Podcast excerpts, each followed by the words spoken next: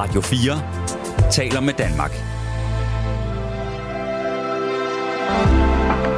Velkommen til morgenrutinen. Din vært er Maja Hall.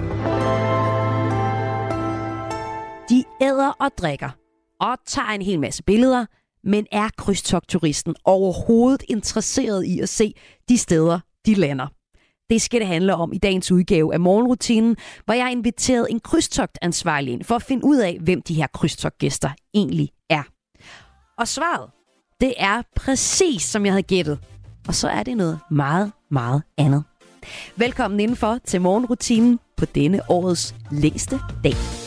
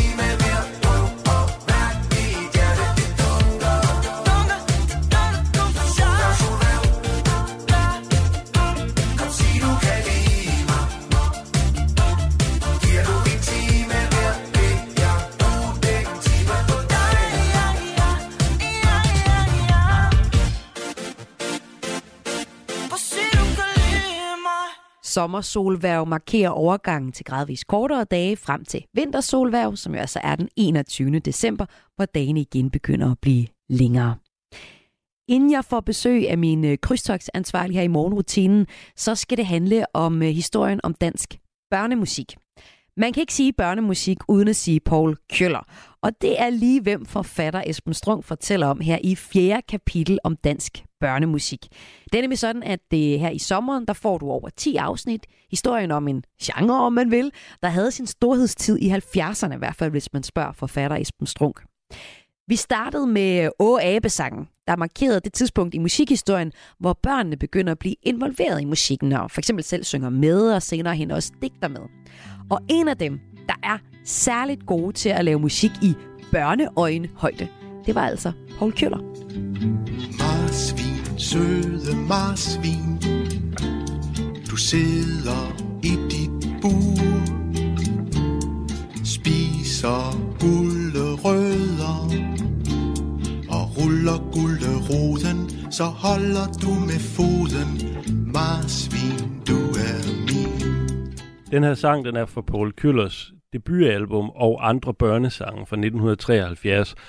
Paul Køller, han var øh, en musiklærer, der her i starten af 70'erne arbejdede ude på Ishøj skole i udkanten af København, og sådan lidt via en kollega, af dem lidt af tilfældigheder, kan man sige, øh, kom han i radioen, og siden blev han så en af de helt store profiler inde på DR's B&U-afdeling op gennem 70'erne.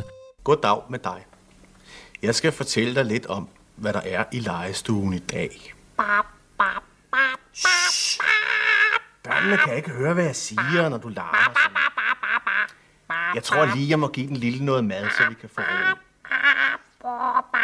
Så. Ja. Nu kan du høre, at jeg fortæller dig, at du skal se noget om små børn, og hvad der sker, når sundhedsplejersken kommer på besøg. Ah, er du allerede færdig? Så skal du bøvse. Han rammer i høj grad ind i tiden øh, på den måde, at han i sit arbejde som musiklærer øh, her i slutningen af 60'erne, starten af 70'erne, kan se, at vi mangler simpelthen nogle nye børnesange, der forholder sig til den virkelighed, som børnene befinder sig i, som er i øjenhøjde med børnene, frem for at vi reproducerer et eller andet mere traditionelt udtryk. Og hvad gjorde han så? Jamen, han gav sig til at skrive de her sange selv, øh, også i samarbejde med de her børn, og der eksisterer nogen, inden den her debutplade fra 73 kommer, så kom der en, en række små singleplader med Paul Køller og Ishøj-børnene, øh, som er øh, progressive øh, og fine eksempler på det her med lige pludselig at inddrage børnene selv, at skrive ikke bare for børn, men også med børn, og skrive om børnenes egen virkelighed. Og det må man sige, marsvin, søde marsvin også er et rigtig godt eksempel på at gå helt øh, ned i børnehøjde. Marsvin, søde marsvin, du kan godt lide hø. Bruger det til at spise, men også til at skjule. Du laver dig en hule, marsvin, Øh, der er et meget sjovt interview øh, fra 70'erne, hvor Paul Køller bliver forholdt det her med, at han er mindre direkte politisk end, end flere andre kolleger, som der i nogen grad jo var en fordring om i tiden, at det gerne skulle være meget venstreorienteret og gerne socialt realistisk. Øh, hvor Paul Køller sagde, at Marsvin, søde Marsvin er også en politisk sang. Det handler ikke om af ikke at være politisk bevidst. Det handler om, at bevidstgørelsen, den starter med genkendeligheden, og for ham var det afgørende at, at lave noget, som, som de her børn kunne forholde sig til og genkende. Og det må man sige gennemsyrer hans sangværk.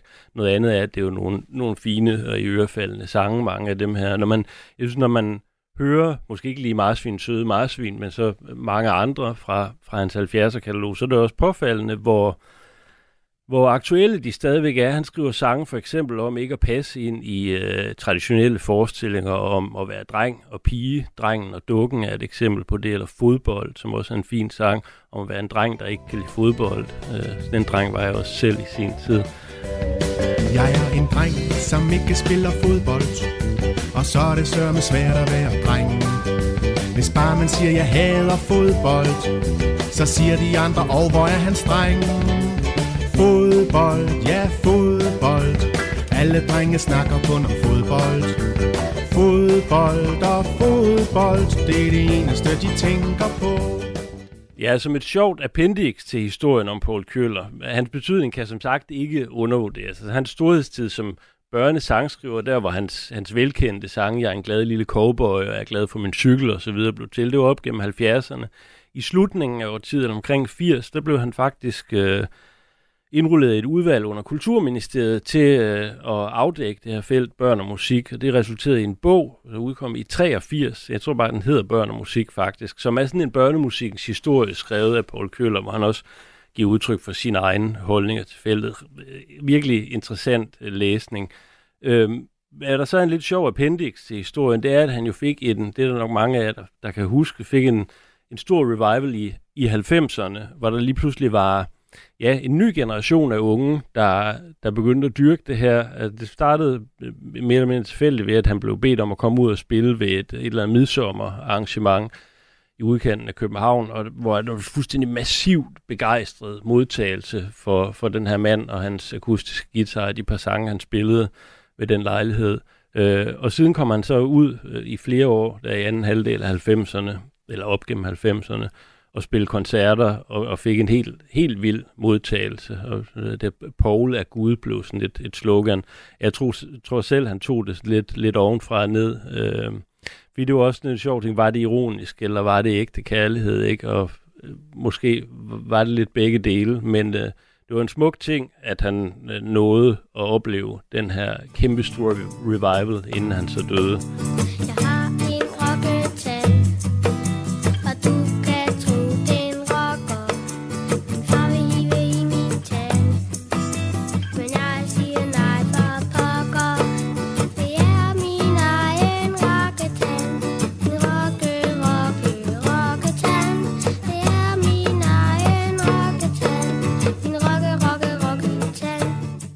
Det var fjerde kapitel i historien om dansk børnemusik, her fortalt af forfatter Esben Strunk, der har skrevet bogen Hvis du siger missetand, historien om dansk børnemusik, som udkom tidligere på øh, foråret. Og i næste uge, så tager vi så femte kapitel i historien om dansk børnemusik. Her skal det handle om sangen Blæsten kan man ikke få at se. En ret poetisk sang, synes jeg. Jeg holder faktisk rigtig meget af den sang. Blæsten kan man ikke få at se. Det er der ikke noget at gøre ved. Venner.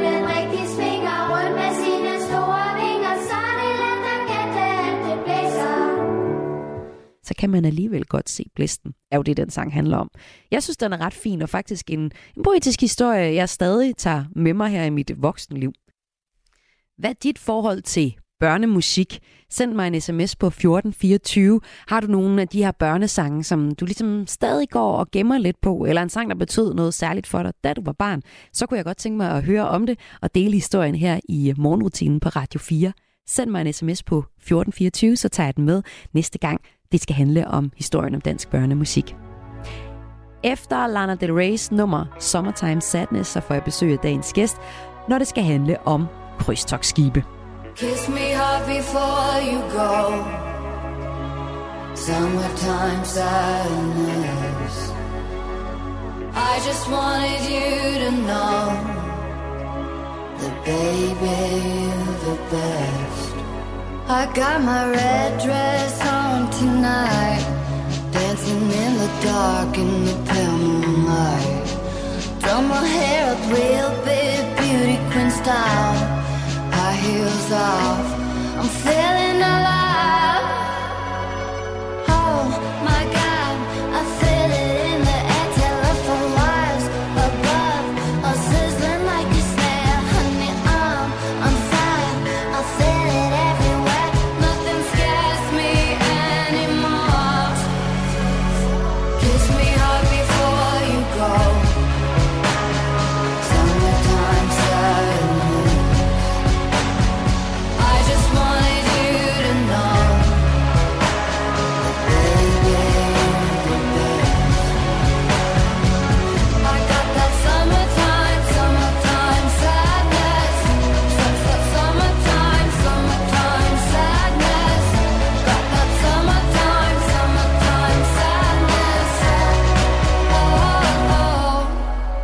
I'm feeling electric tonight. Cruising down the coast, going about 99. Got my bad baby by my heavenly side. I know if I go, I'll die happy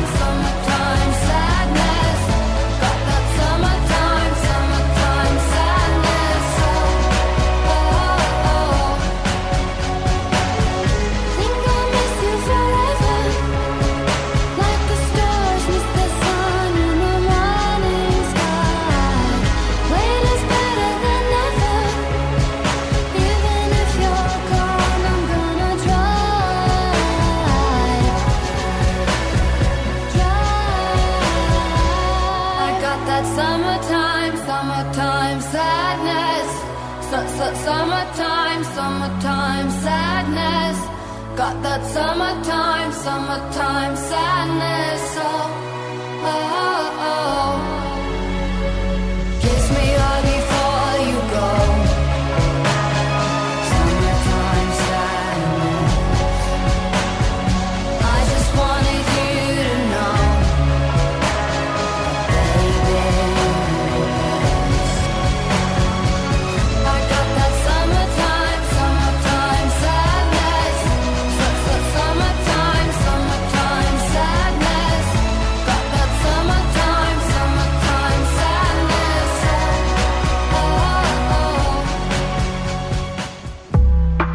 Lytter til morgenrutinen på Radio 4.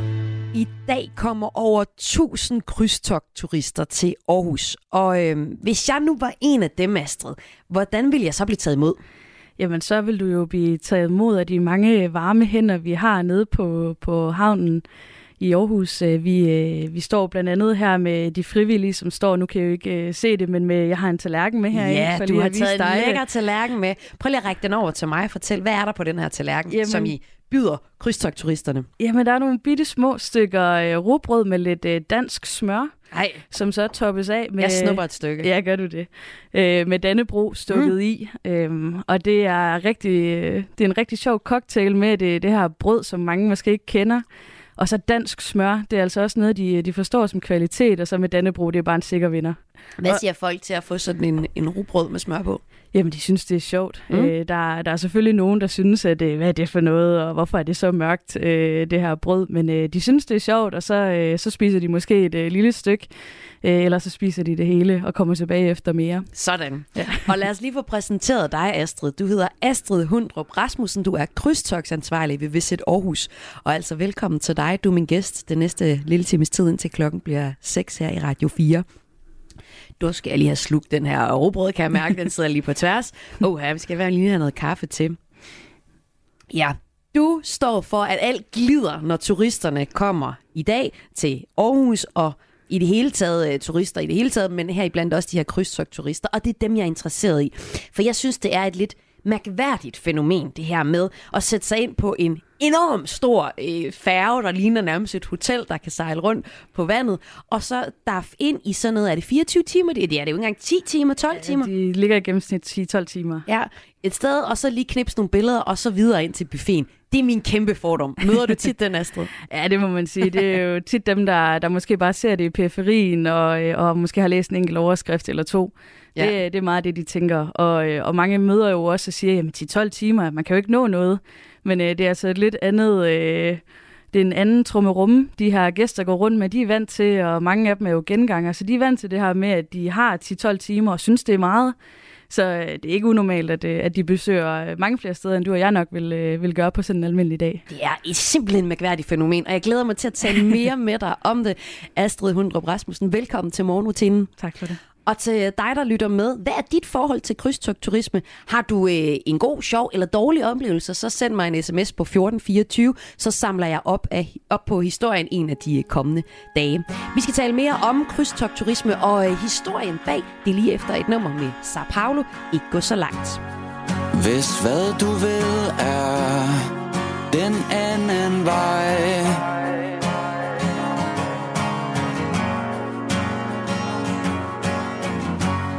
Bliver det ikke lige til Det lover jeg.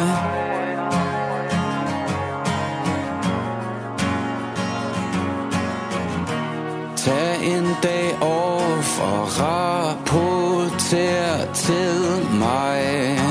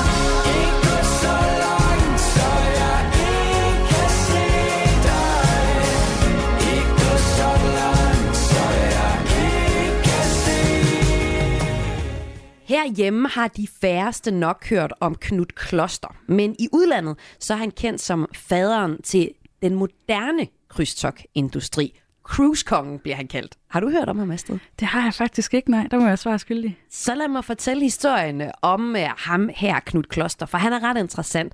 Og uh, Astrid, du hedder Astrid Hundrup Rasmussen, og du er krydstogtansvarlig ved, ved Visit Aarhus, og du kunne jo godt kende hans historie, men uh, lad mig nu give den, for den ligger også lidt år tilbage. Og det er Weekendavisen, der i 2020 skrev om ham, om opfindelsen af det moderne krydstogtskib. Fordi krydstogtskibe, som du og jeg nok ved, så det er jo noget, der ligger lang tid tilbage. Det handler jo egentlig bare om at komme fra A til B, og så over tid er det blevet en luksusoplevelse og en oplevelse, hvor man også kan, kan se en hel masse ting på øh, hen over tid. Men altså, ham her Kloster, det var ham, der opfandt det karibiske krydstogt cruise pakkerejsen, og jo øh, det her med, at man på sådan et krydstogsskib også kan have øh, et, et funship, kan man sige, med musicals og buffeter, og kan hytte plads til enormt mange passagerer. Jeg ved ikke, hvor mange er der ombord på nogle af de både, som vi øh, som regel modtager i Aarhus. Jamen, det kan spænde imellem øh, 100 gæster og så op til 3.500 gæster. Ja. Så det svinger meget. Og det er nogle af de der helt store skibe, som Knud stod bag. Og hans plan, og den synes jeg er ret fin, for den står i skærende kontrast til alle mine fordomme om øh, krydstogtskibe. Hans plan, det var, at den skulle bringe verden, verden tættere sammen og gøre det til et bedre sted for de kommende generationer. Kloster, han vil gerne have, at turisterne rejste ud i verden og så fattige øboere i øjnene, blev undervist i økologi og naturbeskyttelse og lærte at sætte pris på deres egne øh, privilegier. Og det øh, var sådan øh, et, et arbejde, som han ligesom lagde ud med.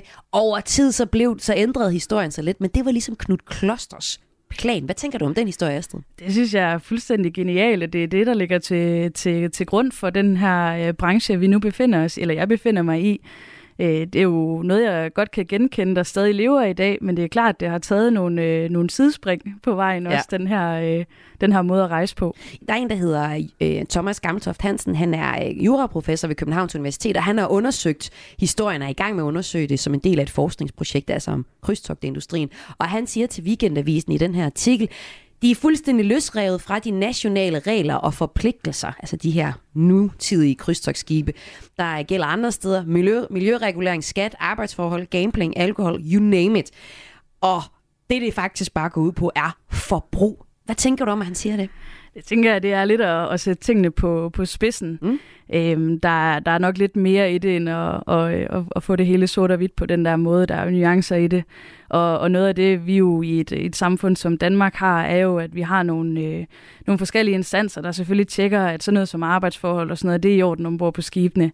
Øh, og faktisk så har man også øh, haft de her undersøgelser i mere end 20 år, og, og der har ikke været en eneste anmærkning. Så jeg tror, at der er nogen, der godt kan lide at, at, at synes de her ting, men, øh, men øh, det er klart, at øh, der skal selvfølgelig opretholde nogle, nogle standarder, når man kommer til et land som vores, ellers så, øh, så vil det ikke øh, Ja, vi har jo også nogle, øh, nogle krasse miljøkrav i, i havnene, og som du siger, så gør man jo også sit for at tjekke det. Men det er jo også nogle både, der er her i 12 timer, så det er også begrænset, hvor meget man kan tjekke og regulere i forhold til det her.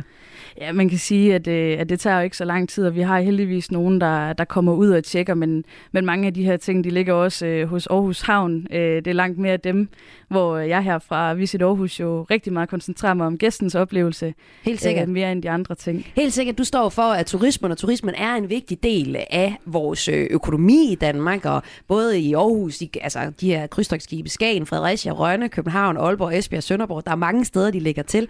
Men, men hvad tænker du egentlig om, at du arbejder med et erhverv, der også bliver kritiseret, altså de her krydstogsskibe helt specifikt i forhold til, til det overforbrug, som nogen vil sige, altså både i forhold til ressourcer, men også bare i, at det er den her luksuriøse buffetanordning, der er en del af oplevelsen. Jeg tror, man må tage det med, med oprejst pande, og man kan sige, ja, der, kommer, øh, der kan komme nogle, øh, nogle artikler eller øh, noget en gang imellem, som, som kører lidt af den her bane. Men øh, nu er jeg heldig, at jeg står nede på havnen hver gang og, øh, og snakker med alle de her gæster og alle os, der har noget med krydstogt at gøre. Og, øh, og der får man enormt meget positiv feedback øh, på alle parametre.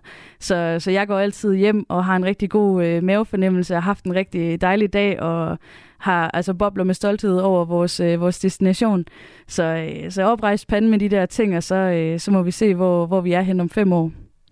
Hvorfor lige om fem år? Det er jo bare, øh, der, der sker en hel masse i krydstogtindustrien. Øh, det, det er der slet ikke nogen tvivl om. Øh, og også meget sket siden, siden den her anden opblomstring, som du snakker om i, i 90'erne. Øh, det, det er jo en industri, og generelt turismen er jo under, under konstant øh, udvikling. Øh, det gælder selvfølgelig også krydstogt. Så, så derfor så, øh, så kan man ikke se meget mere end to-tre år frem, så, så har tingene nok ændret sig en lille smule, så det er super spændende at være nørd i den her øh, branche lige efter et nummer med Love Shop, så skal vi høre om den dag, hvor enormt mange krydstogturister lige pludselig, rimelig overraskende, myldrer ind i Aarhus. Tændes himlens dybe glød, og natten kommer fløjels blød. De drømmende går snart til ro, på mælkevejens stjernebro. Du længes i mørket. Mod dagen med håb kan ikke sove En nat bliver det sommer En fjern og fin musik Giver dig alt du aldrig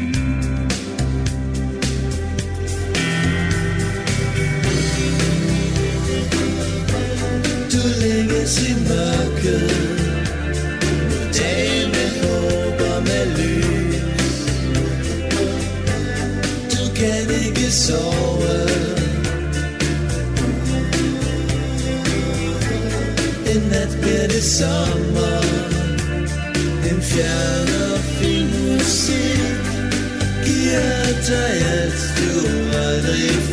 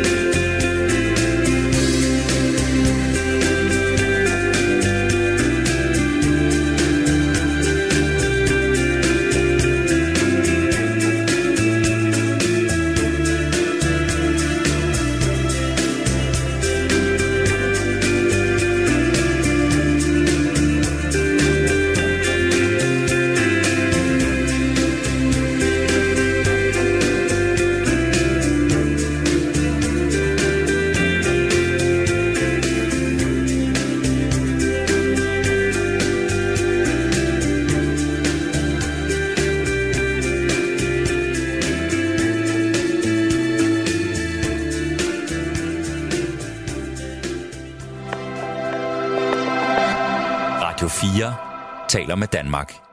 Krydstogt ansvarlig ved Visit Aarhus, Astrid Hundrup Rasmussen, er min gæst her i morgenrutinen i dag.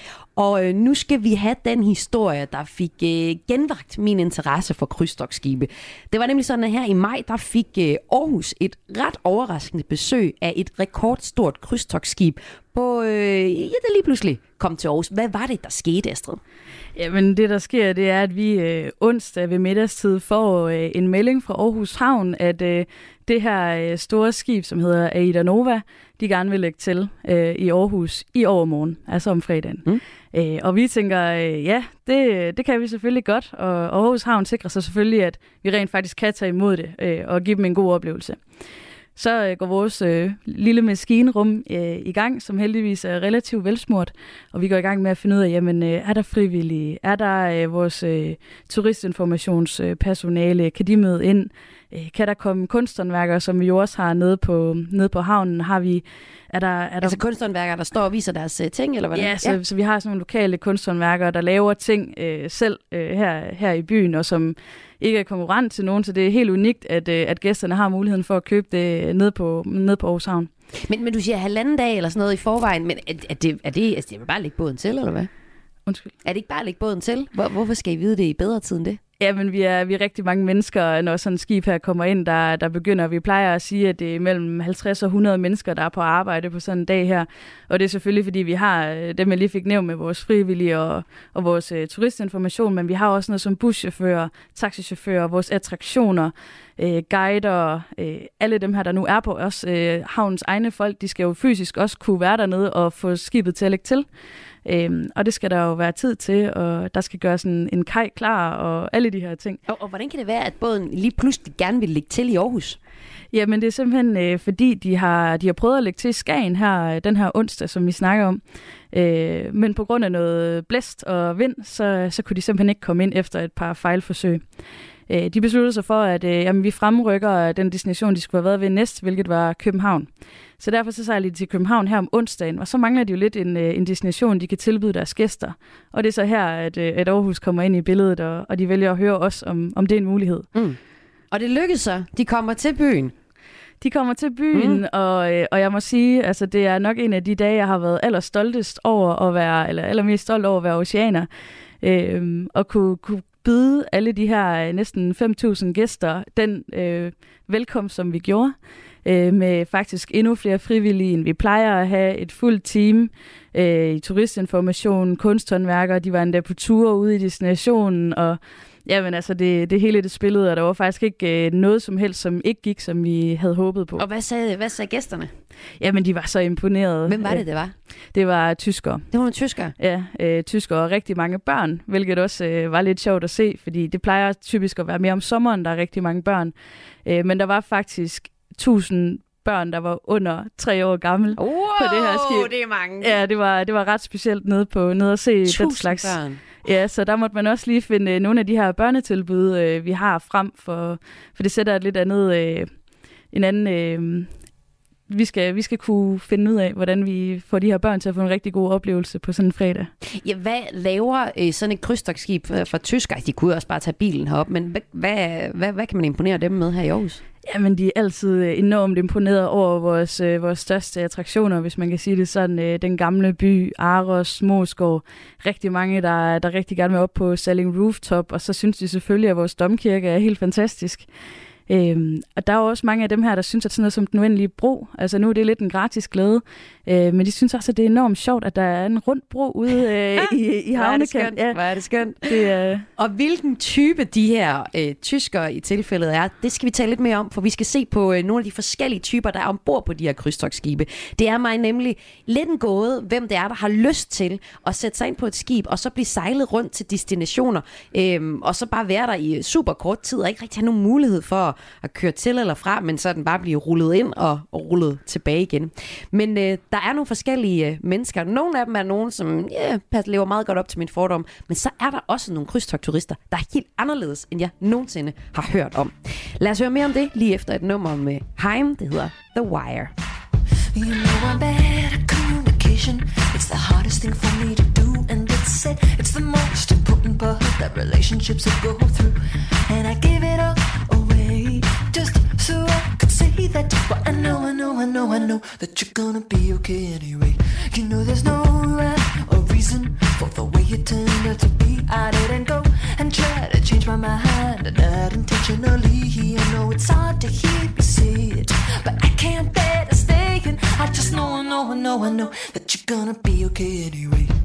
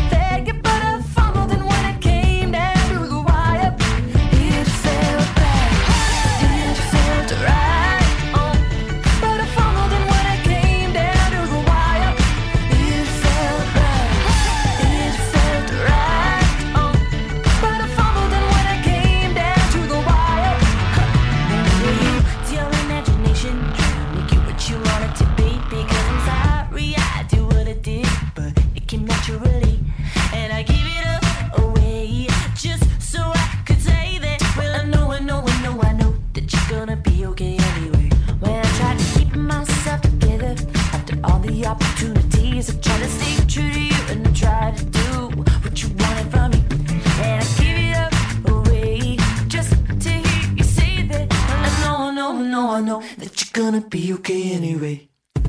Oh.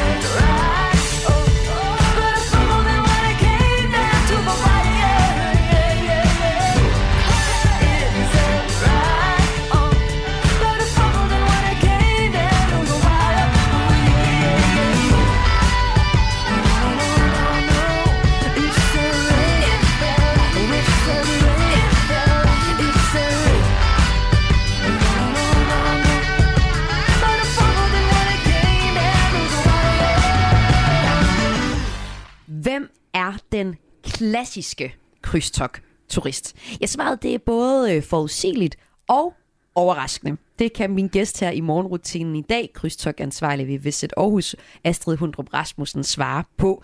Vi øh, kan dele dem op i tre, er det ikke sådan? Cirka. Grupper. Jo. Der er highlight-gæsten. Det er virkelig den gæst, jeg tænker, at der er allerflest af. Men prøv lige at fortælle, hvem er det? Jamen, øh, først og fremmest skal det selvfølgelig nævnes, at, øh, at det her med de målgrupper, vi nu kan sætte dem ind i, det vil altid være et, øh, et, øh, et øjebliksbillede, fordi, som vi også snakkede om lidt tidligere, at de jo udvikler sig hele tiden, Mm. de her de, de turismegæster. Øh, men den her highlight-gæst, det er dem, der typisk kommer på skibene, der, hvor der er mere end 1000 gæster ombord. Øh, de skal ud, og så, øh, så skal de simpelthen have streget de største attraktioner, og alle de her, det skal man bare opleve, når man er i den her destination af. Men, og er de sådan oprigtigt interesseret i at møde byen? De er fuldstændig oprigtigt interesserede i at, i at møde byen og komme ud og opleve det her. Det er klart, der er også en, øh, et, et græn af det her med, at, at de skal kunne fortælle det, når de kommer hjem, men det er jo i virkeligheden også det, vi virkelig ønsker. Mm. Jeg går hjem og fortæller om, hvor, hvor fantastisk det var. Og så er der den måske øh, sådan gammeldags øh, krydstogt-gæst, den eksklusive gæst, kunne man kalde dem. Hvem er det? Nemlig, det er, det er ofte de her skibe, hvor der er måske maks 1000 ombord. Det koster penge at komme med i de her skibe, altså det koster rigtig mange penge at komme med skibene. Øhm, og det er typisk nogen, der, der er sådan noget mere velberejste, og de gør tingene lidt i deres eget tempo. De har måske øh, en, øh, de har typisk en hobby, øh, som gør, at jamen, så skal vi bare på Morsgård, fordi vi vil se noget om vikinger, eller Mm. Øh, jeg har en, øh, en tante, der, der var dansker, øh, så derfor så vil jeg op og se, hvordan det så ud i, i starten af 1900-tallet i den gamle by, og snakke med nogle af de her aktører, der går rundt deroppe. Har du set The Triangle of Sadness? Det har jeg faktisk ikke, nej. Det er jo ellers en film, der handler om krydstogt-gæsterne, og her er de ekstremt rige, og spiser ekstremt lækker mad, og virker pisse ligeglade med, hvor de kommer hen. Er der også nogen, du møder du også sådan nogen? Der vil i hvert fald være nogle af de her gæster, der ikke er helt sikre på, hvor de lige er landet den dag. Og Er det sjovt at være guide for dem også? Det er virkelig, virkelig sjovt, fordi de er, de er også meget sådan, de, de har prøvet mange forskellige ting, så de kan sige, ah, men da vi var i, øh, i Amsterdam, eller da vi var i Panama-kanalen, eller hvad det nu kunne være, jamen der oplevede vi noget, der var lignende, eller der oplevede vi noget, der var helt modsat. Øh, så det er virkelig sjovt at, at få de her... Øh, ja, forbindelser til, til andre steder, som, som, hvor de oplever noget lignende, og så alligevel helt forskelligt. Og så er der den tredje gæst, det kunne man sådan kalde nichegæsten, og det er en gæst, som jeg aldrig har hørt om før, men som altså også ankommer i de her krydstogsskibe. Hvem er det? Jamen, der kommer de her øh, gæster, som er, som du siger, meget nichet. Øh, det, er, det er gæster, der er meget øh, opmærksomme på hvilk, at, at efterlade et positivt aftryk i destinationen. Og faktisk så, øh, så kan de finde på at spørge på ture, som kan vi ikke komme ud på stranden og samle skrald op? Eller de vil gerne ud og se en bifarm, eller hvad det nu kunne være. Samle skrald op. Der er simpelthen nogle krydstogturister, der står af i Aarhus eller et andet sted i Danmark, og så vil de gerne samle skrald op. Nemlig. Altså, så, så forestiller de sig, at jamen, øh, så har de, de gjort noget rigtig godt, som ikke bare er at, at, at lægge, en, øh, lægge nogle penge i, i destinationen, men rent faktisk at gøre noget, som, som vi måske heller ikke forventer som, som destination. Ja, og det er også interessant, fordi at krydstogturister er, kan jo også, som alle turister kan være, super belastende for nogle byer. Der er sådan nogle byer som øh, Venedig, har du fortalt om, og Barcelona, hvor der kommer helt vildt mange på én gang, lægger til og vader ind for at se, hvad der lige er i, øh, i byen, og det forstyrrer også lokalbefolkningen en del. Jamen altså, det er jo klart, at der er nogle destinationer øh, i verden, der, der bøvler med, med overturisme. Men i Aarhus, der er vi heldigvis øh, rigtig opmærksomme på at få, få spredt dem ud. Det skal give mening. Øh, det skal være godt for alle. Det skal ikke kun være godt for gæsterne. Eller, og, og man kan også diskutere, er det godt for gæsterne? Hvis du nu sådan tager de lange briller på, om man kan sige det, hvad vil du så sige, der kommer mere af i forhold til, til turisme i, i Danmark generelt? Altså, der kommer helt sikkert af, at det, det er måske for nogen af det gamle nyheder, men det her med, at tingene skal være autentiske, mm. det bliver der mere og mere fokus på. og hvad er det? Hvad er det, Jamen- man præcist efterspørger i, fra selskabernes side i det autentiske? Ja, man kan sige, øh, altså mennesker bliver jo bedre og bedre til at spotte, når de bliver øh, kommer i de her såkaldte turistfælder. Ja. Øh, de vil ikke snides, og de vil ikke, øh, de vil ikke have bare sådan en eller anden... Øh, øh, en eller anden reklameting, der bare, der bare er der for deres skyld. Man vil, vil egentlig gerne ind i selve at være en del af samfundet, i stedet for at være besøgende i samfundene. Så jeg tror, at det er sådan helt generelt i turismen, at man, man vil hellere ses på som en gæst, Mm. end en, sådan en turist. Ja, det er meget interessant. Ja. For det er jo nok ret præcis sådan, øh, man øh, generelt set har det, når man rejser ud. At det der med at være turist, der ved man godt, man er lidt belastende i sig selv. Og også, at den oplevelse, man får, det er måske bare noget, der er skruet sammen, så man kan tjene nogle penge i landet. Nemlig, og jeg tror også, der er mange, der kender det her med, at øh, ej, jeg skal ikke gå ind i de her turistfælde-restauranter. Jeg vil gerne ind og have det helt rigtige Ja. portugisiske mad, som, hvor herre og fru Portugal sidder og spiser selv om aftenen. Og, ja. og det er jo helt sikkert, det kan vi jo også mærke, at det er det, er det der er fokus på. Astrid Hundrup Rasmussen, krydstogtsansvarlig ved Visit Aarhus. Tusind tak, fordi du var med i morgenrutinen og gjorde mig klogere på, hvem de er, dem her, der vrimler ind. Og i dag i Aarhus vrimler der for eksempel 1000 af dem ind, og over hele sommeren, så er de der. Og hvis vi skal gøre noget godt for vores turisme, så kan man jo sige, gå hen og sige goddag til dem, så får de nemlig en autentisk oplevelse. Lige præcis. Tak fordi du var med. Selv tak. Oh oh, oh oh, oh oh.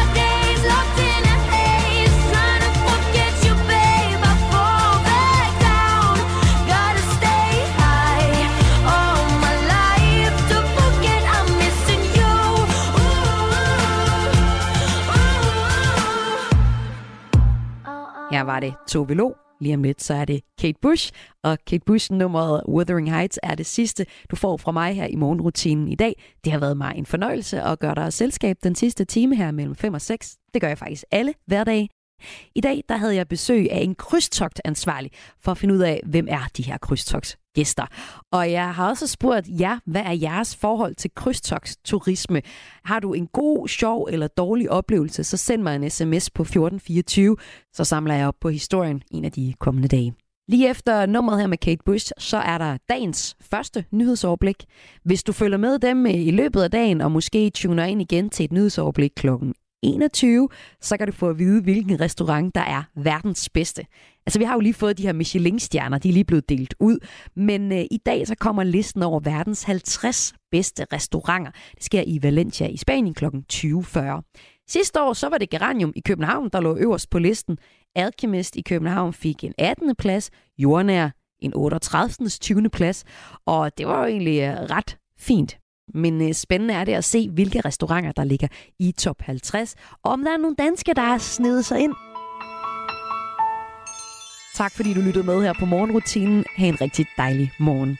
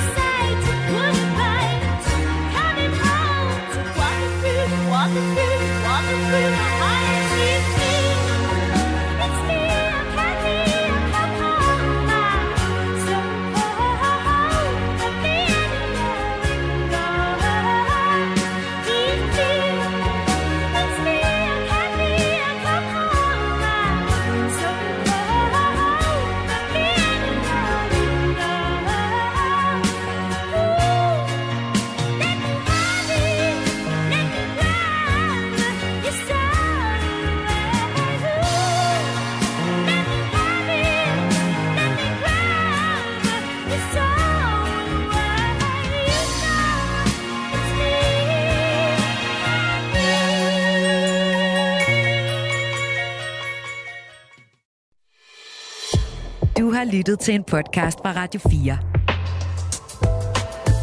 Find flere episoder i vores app, eller der, hvor du lytter til podcast. Radio 4 taler med Danmark.